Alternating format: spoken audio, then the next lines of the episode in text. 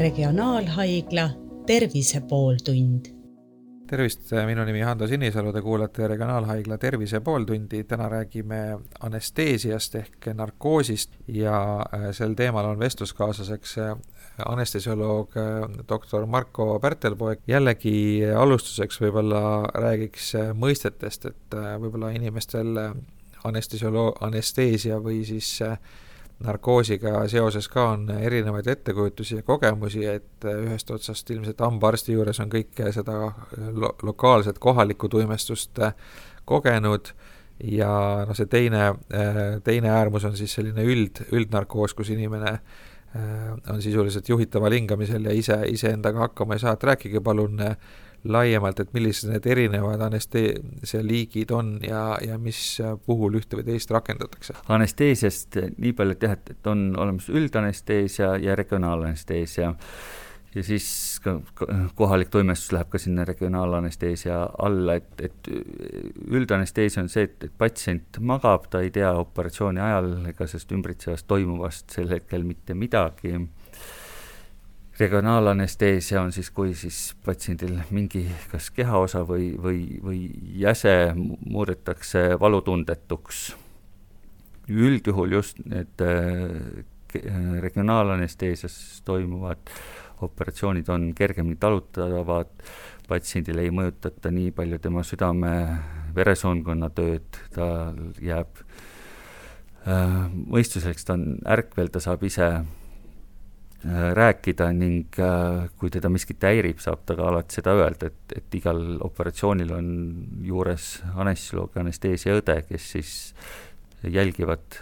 kogu seda äh, protsessi. nüüd see regionaalanesteesia puhul noh, tundub veidikene selline ebakindel või see olukord, et et sinu kallal arstid, kirurgid toimetavad, sa oled ise ärkvel, sa ei tunne midagi, aga sa saad aru, et midagi nagu tehakse. et see on, on tegelikult ju väga ärevust tekitav olukord, et, et kuidas patsiendid eh, seda üldiselt taluvad? no ärevus ongi meil üldjuhul teadmatuse ja tundmatuse ees, et see kõige olulisem on see, et eelnev informeerimine ja, ja seletus, seletamine et äh, sellepärast ongi hästi oluline, et kui on siis äh, lõikusplaan kirurgiga paika pandud, et käiakse ära ka anestesioloogi juures ja räägitakse sellest narkoosimeetodist. keegi kunagi ühtegi süsti vägisega vastu tahtmist ei tee, et äh, see ongi, oleneb alati patsiendi üldisest seisundist ja lõikusest ja see ongi koostöös ja, ja koos otsustamine siis anestesioloogi ja patsiendi vahel. et kindlasti on operatsioone, mida ei saa teha regionaalanesteesias ja mida on mõistlik teha, et see äh, suurem äh, kasu tuleb sellest, et see regionaalanesteesias läbi viidud äh, operatsioon ei mõjuta nii palju patsiendi üldist tervist, tema ei lülita välja tema ajutegevust, selleks operatsiooni ajaks taastumine on kiirem ning pärast ka see taastumine regionaalanesteesiast Äh, valu seisukohast, et see blokeerib ära selle valuaistingu sealt piirkonnast, kus see operatsioonitrauma toimub. et äh, see vähendab organismi stressreaktsiooni ja võimaldab äh, kiirema taastumise milliste operatsioonide puhul seda regionaalanesteesiat eelkõige kasutatakse? no üldjuhul ongi need jäsemete traumad,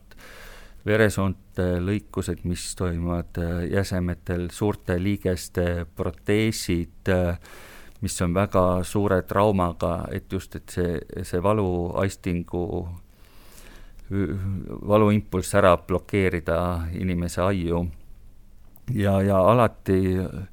saab sealjuures, kui vajadusel on ka teha, anda rahustavat rohtu patsiendile, aga noh, kõige olulisem ongi see, et, et patsient on eelnevalt teadlik, et ta tegelikult selle lõikuse aeg ei tunne valu ja kõik ebameeldivad aistingud on, on ära hoitud selle süstiga. kas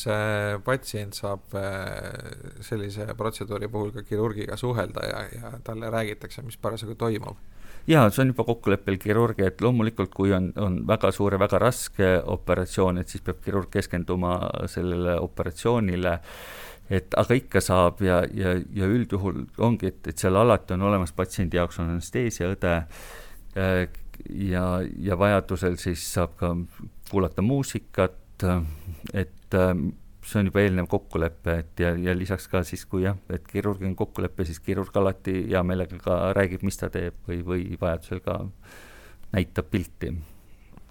nüüd äh, üldnarkoos on juba, juba karmim asi ja, ja, ja see tekitab võib-olla inimestes ka veidike rohkem hirmu selles mõttes, et ta ise ei kontrolli enam üldse midagi, et ta põhimõtteliselt on täielikult arstide hoole all. et äh, üks asi, mida inimesed võib-olla kardavad, on see, et äkki, äkki nad saavad mingi ootamatu allergilise reaktsiooni või organism lihtsalt ei talu seda narkoosi, et kui kui suur see oht tegelikult on ja kuidas seda on võimalik vältida, et ei, ei juhtuks selliseid äh, narkoosiaegseid tüsistusi? jah, suur osa, peaaegu pooled äh, tüsistused ongi tingitud siis kas ravimite, reaktsioonid ravimitele või analoogsed et selle puhul ongi hästi oluline see, et kui siis see lõikusotsus on tehtud, et käiakse ära anestesioloogi juures. et äh, see arusaam, et, et anestesioloog on äh,, tuleb sinna, paneb patsiendi magama, et äh, see ongi pigem niisugune vananenud arusaam, et, et peaks mõtlema niimoodi, et see anestesioloog on patsiendi siis narkoosiaegne raviarst, et temaga peab enne läbi rääkima ja, ja ilus- või enne läbi rääkima kõik kõikidest olemasolevatest haigustest kasutatavad ravimid, oma mõtted ja hirmud, et siis suudetakse teha niisugune äh, adekvaatne narkoosiplaan, et see oleks patsiendile kõige kergemini talutata, talutav, ei tekiks mingisuguseid ohte kõrvaltoimete tekkimiseks, allergilisi reaktsioone, et need on kõik ennetavad ja, ja oluline on just see, et, et need asjad räägitakse läbi anestesioloogiga enne lõikust. kas kuidagimoodi on võimalik testida ka mingi väiksema koguse selle ravimiga, et kuidas see organism reageerib, et, et olla kindel, et kui nüüd päris, päris asjaks läheb, et siis ootamatusi ei tuleks? meie ei testi, et kui on kahtlust äh, mingite ravimite allergiliste reaktsioonidele, siis kindlasti äh, tegelevad sellega all-, allergoloogid, kes siis viivad läbi spetsiaalsed testid, et, et vahetult sellist testi ei saa teha, et teeme natuke rohtu, vaatame, kuidas toimib, et see nii nagu mesilase hammustuski, et, et mõni võib saada kohe väga tugeva reaktsiooniga väga väikses koguses, et sama on ravimitega ka. ja, ja mõnele peab manustama väga suure koguse, et tekiks mingi allergiline reaktsioon, et need allergiatestid viib läbi juba siis allergoloog eelnevalt, seda saab anestesioloog suunata, saab perearsti kaudu sinna, et et äh, pigem meie vestlusega patsiendiga selgitame välja, et, et mis on need ohud ja, ja, ja milliseid ravimeid siis pigem mitte kasutada või kasutada nüüd see üldnarkoos, et äh, mida seal äh, täpselt tehakse ja, ja mis siis patsiendiga toimub täpselt selle üldnarkoosi ajal? Eesmärk olekski, et, et patsient äh, magaks, ei tunneks midagi patsiendi seisukohalt, ärkaks võimalikult kiiresti ja taastuks oma äh, lõikuseelse äh, seisundisse võimalikult ruttu. et seal ongi kolm aspekti, et, et on valuravi, et oleks piisav uni ning siis kirurgil oleks tingimused operatsiooniks, et, et see anesteesia tulebki jagada, et, et kolme faasi, et, et kõigepealt see lõikuseelne äh, patsiendiga tutvumine, informeerimine äh,, valuravi planeerimine,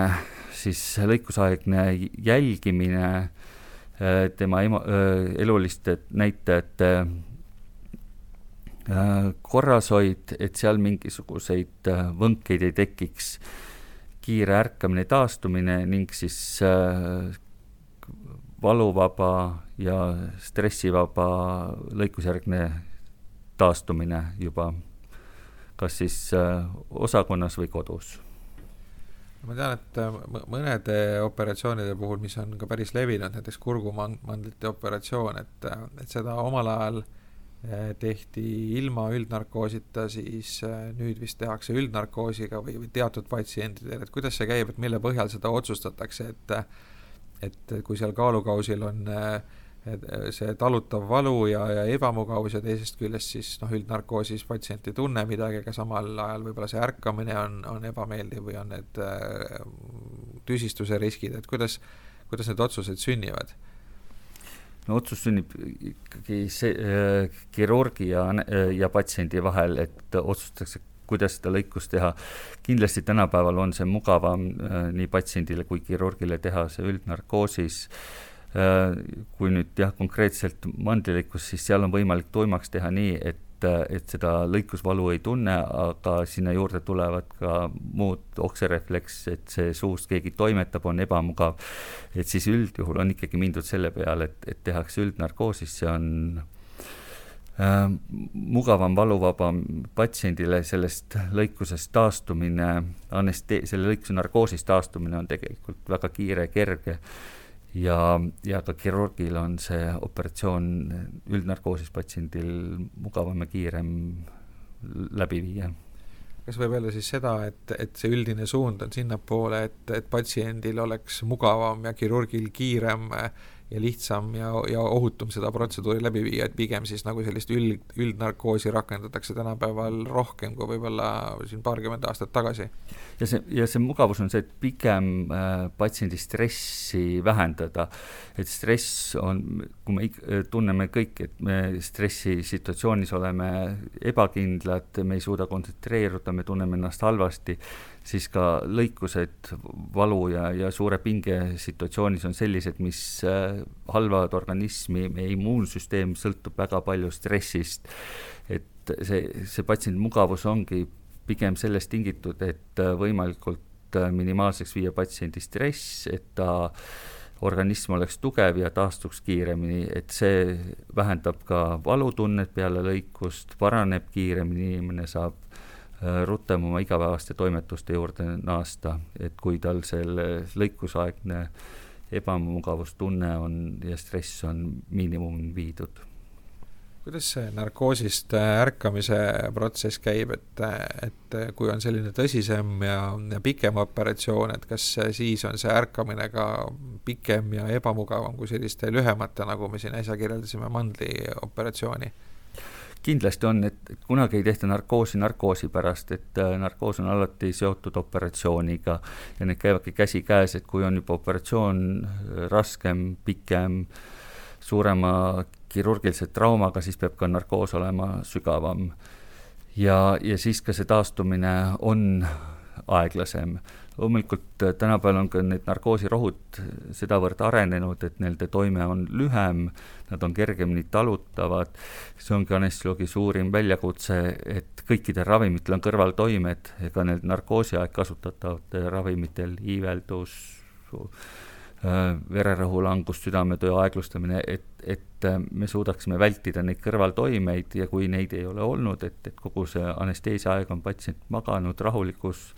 unes, tema hemodünaamika on kõik püsinud stabiilne, et siis see ärkamine on ka kiirem ja, ja äh, rahulikum. nüüd äh, millised on äh, sellised välistavad tegurid või, või riskitegurid, et millistel patsientidel on see narkoos seotud suuremate riskiga, et kas siin on mingid kaasnevad haigused või vanus või midagi muud ja ja mis juhul on siis need riskid väiksemad? jah, kindlasti tihti vanusega ja haigustega kaasneb äh, äh, kõrgem risk. et kui on noor terve inimene, siis on need tänapäeval juba peaaegu olematud, need riskid.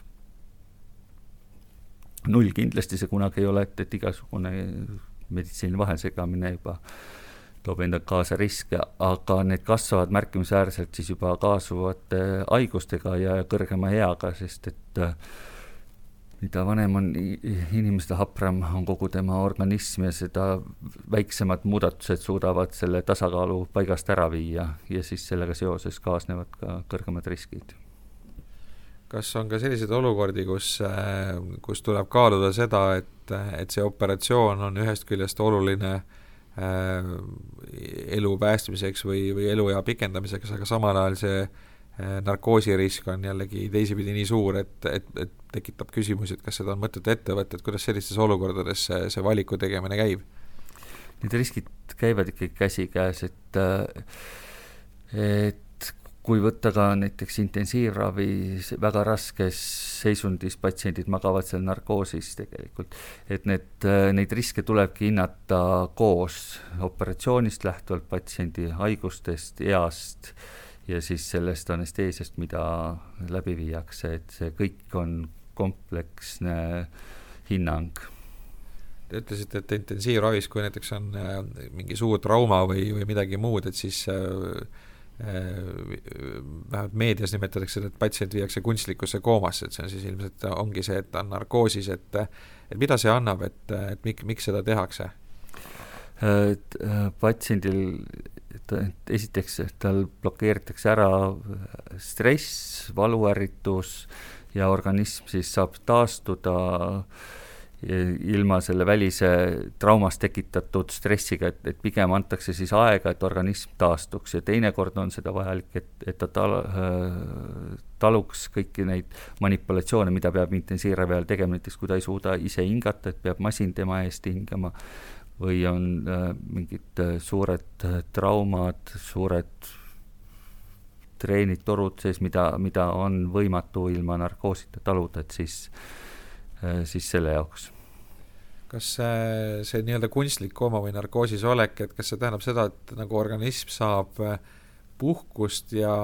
ja, ja see tähendab seda, et, et tegelikult väga raskest seisundist on, on lihtsam äh, taastuda või, või organismil ennast, ennast tervendada? jah, pigem nii, et, et organism saab puhkust, saab läbi viia need äh, ravimeetodid ja manipulatsioonid, mida ei saa ärkvel teha, et siis see, et äh, inimene magab, ta ei tunne seda midagi ning kui on kas organism piisavalt taastunud, mingisuguseid suuremaid protseduure enam ei pea läbi viima, siis hakatakse narkoosi äh, kergendama ja, ja patsient ärkab üles. enne oli juttu allergiast, et äh, mida sellises olukorras tehakse, kui inimesel on narkoosirohtude suhtes äh, eluohtlik allergia, aga siiski on vaja ta narkoosi viia, et, et kuidas sellises olukorras käitutakse? no õnneks tänapäeva meditsiini ravimitööstus on nii arenenud, et, et meil on igast grupist äh, ravimitest, mida me kasutame, nii valuvaigistid, uinutid äh,, et on erineva toimemehhanismiga ravimeid, et nad ei anna ristallergiat, et me saame alati valida siis selle, millel patsiendil ei ole allergiat nüüd, äh, kui kellelgi seisab ees see operatsioon, et äh, kuidas selleks valmistuda, et mida ta peab tegema, noh, kui me räägime nüüd lühemat aega siin äh, päev-kaks enne sellist tõsisemat operatsiooni, eeldusel, et see on plaaniline operatsioon, mitte, mitte erakorraline, et kuidas inimene selleks peaks valmistuma, mida ta peaks tegema? patsient, enne operatsiooni hästi oluline, et puhatakse, ollakse võimalikult äh, heas üldseisundis, söönud-joonud korralikult inimene eelnevalt, tal ei ole äh, mingit äh, pooleliolevaid stressi tekitavaid situatsioone, et, et oleks võimalikult äh, tavapärane elu ilma suuremate muredeta, probleemideta, et siis see tagab ka kiirema taastumise operatsioonist siis on veel palju räägitud ka eetilistest küsimustest äh, olukorras, kus patsient on teadvuseta ja kui on vaja teha mingeid väga olulisi otsuseid ja tema enda käest ei saa küsida, et kas nüüd tohib seda teha või ei. et kuidas see on lahendatud, et kas see vastutus on siis täielikult ainult kirurgil või, või äh, käib see kuidagi teistmoodi? No üldjuhul peab olema ikkagi äh, patsient eelnevalt ja informeeritud ja, ja kokku lepitud kõik, mis lõikuse ajal toimub, kui nüüd operatsiooni silmas pidades, siis need otsused, äh, mis lõikuse aeg tehakse, on eelnevalt patsiendiga kõik kokku lepitud. Aga kui seal lõikuse käigus selgub mingi ootamatus, et äh, ma ei tea, kui sageli seda võib ette tulla, aga noh, ilmselt seda ei saa välistada, et mis siis sellises olukorras tehakse, kas võetakse ühendust lähedastega või, või noh, kui ei ole võimalik patsiendiga suhelda? lähtutakse ikkagi patsiendi parimast äh, ravist ja, ja turvalisemast ravist lähtutakse, et need otsused võetakse siis lõikuse ajal vastu, lähtudes ikkagi parimast meditsiinilist teadmite, teadmistest ja turvalisest patsiendi ravist no te ütlesite, et see anestesioloogia valdkond on viimasel ajal kõvasti ja kiiresti arenenud, et et kui nüüd vaadata siin äh, mõni aasta edasi tulevikku, et mis sellised uusimad meetodid praegu teadusajakirjanduses kirjeldatud on, mis ilmselt võiks, võiks varsti ka meil, meieni jõuda, et mis siin muutumas on, mis siis sellised suuremad läbimurded teaduses praegu on? no äh, väga, väga suuri paikapanevaid muutusi ei ole teada, et, et vaikselt see kogu aeg areneb, et et tehnika on see, mis kõige kiiremini areneb, et patsiendi jälgimismonitorid lähevad võimsamaks, et me praegusel ajal ka ühendame patsiendi juhtmetega. Monitoridega, kindlasti see muutub ka juhtmevabaks, et ja, ja just ongi, et see, et ähm, millega tehakse rohkem tööd ja, ja uuritakse rohkem, on see just, et see aju tegevuse monitooring, et see narkoosi sügavus, et äh, see on hästi oluline, et, äh, et see narkoosi sügavus oleks just optimaalne, et äh, ja, ja kogu lõikusajal, et sellest ka siis sõltub väga palju hemodünaamika, veresoonkonna, südametöö, et, et see oleks, püsiks stabiilne, võimalikult või vajalikult sügav ja, ja võimalikult kergemini patsiendil talutav, et ta ei mäletaks midagi, ei tunneks midagi, aga samas ei oleks liiga sügavas narkoosis. Et pigem just see aju monitooring on see, mis viimastel aastatel tõena-, on kiiremini arenenud ja areneb ka edasi kiiresti. võrrelda Põhja-Eesti Regionaalhaiglat eh, mõne maailma tipphaiglaga, näiteks USA-s, et kui suured need erinevused täna on just, just anestesioloogia valdkonnas? ei ole, et me oleme täiesti maailma tipptasemel, et äh, meie operatsiooniplokk on küll nüüd juba kümme aastat vana, aga samas on siin tehnikat kogu aeg uuendatud, äh, meil on kõik maailmas kasutatavad ravimid olemas, et on täiesti võrreldav ja ei pea millegipärast millestki puudust tundma ega millegipärast häbi või piinlikkust, et me oleme ikkagi maailma tasemel tippkompetentsikeskus, tipphaigla, tipoperatsioonikeskus kus on kõik võimalused. Ja, ja, ja meie suurus, noh, maailma tasemel okei et, et me ei ole kõige suuremad, aga Eesti tasemel oleme suurim haigla, et et see annabki meile võimaluse, et meil on erinevad spetsialistid, meil on erinevad äh, oskused kasutada erinevaid äh, masinaid, aparatuure, erinevaid ravimeid, tehnikaid, et see annabki meile selle võidu. Aitäh, meiega vestles äh, anestesioloog doktor äh, Marko Pärtelpoeg, teda küsitles Ando Sinisalu ja aitäh kõigile kuulajatele.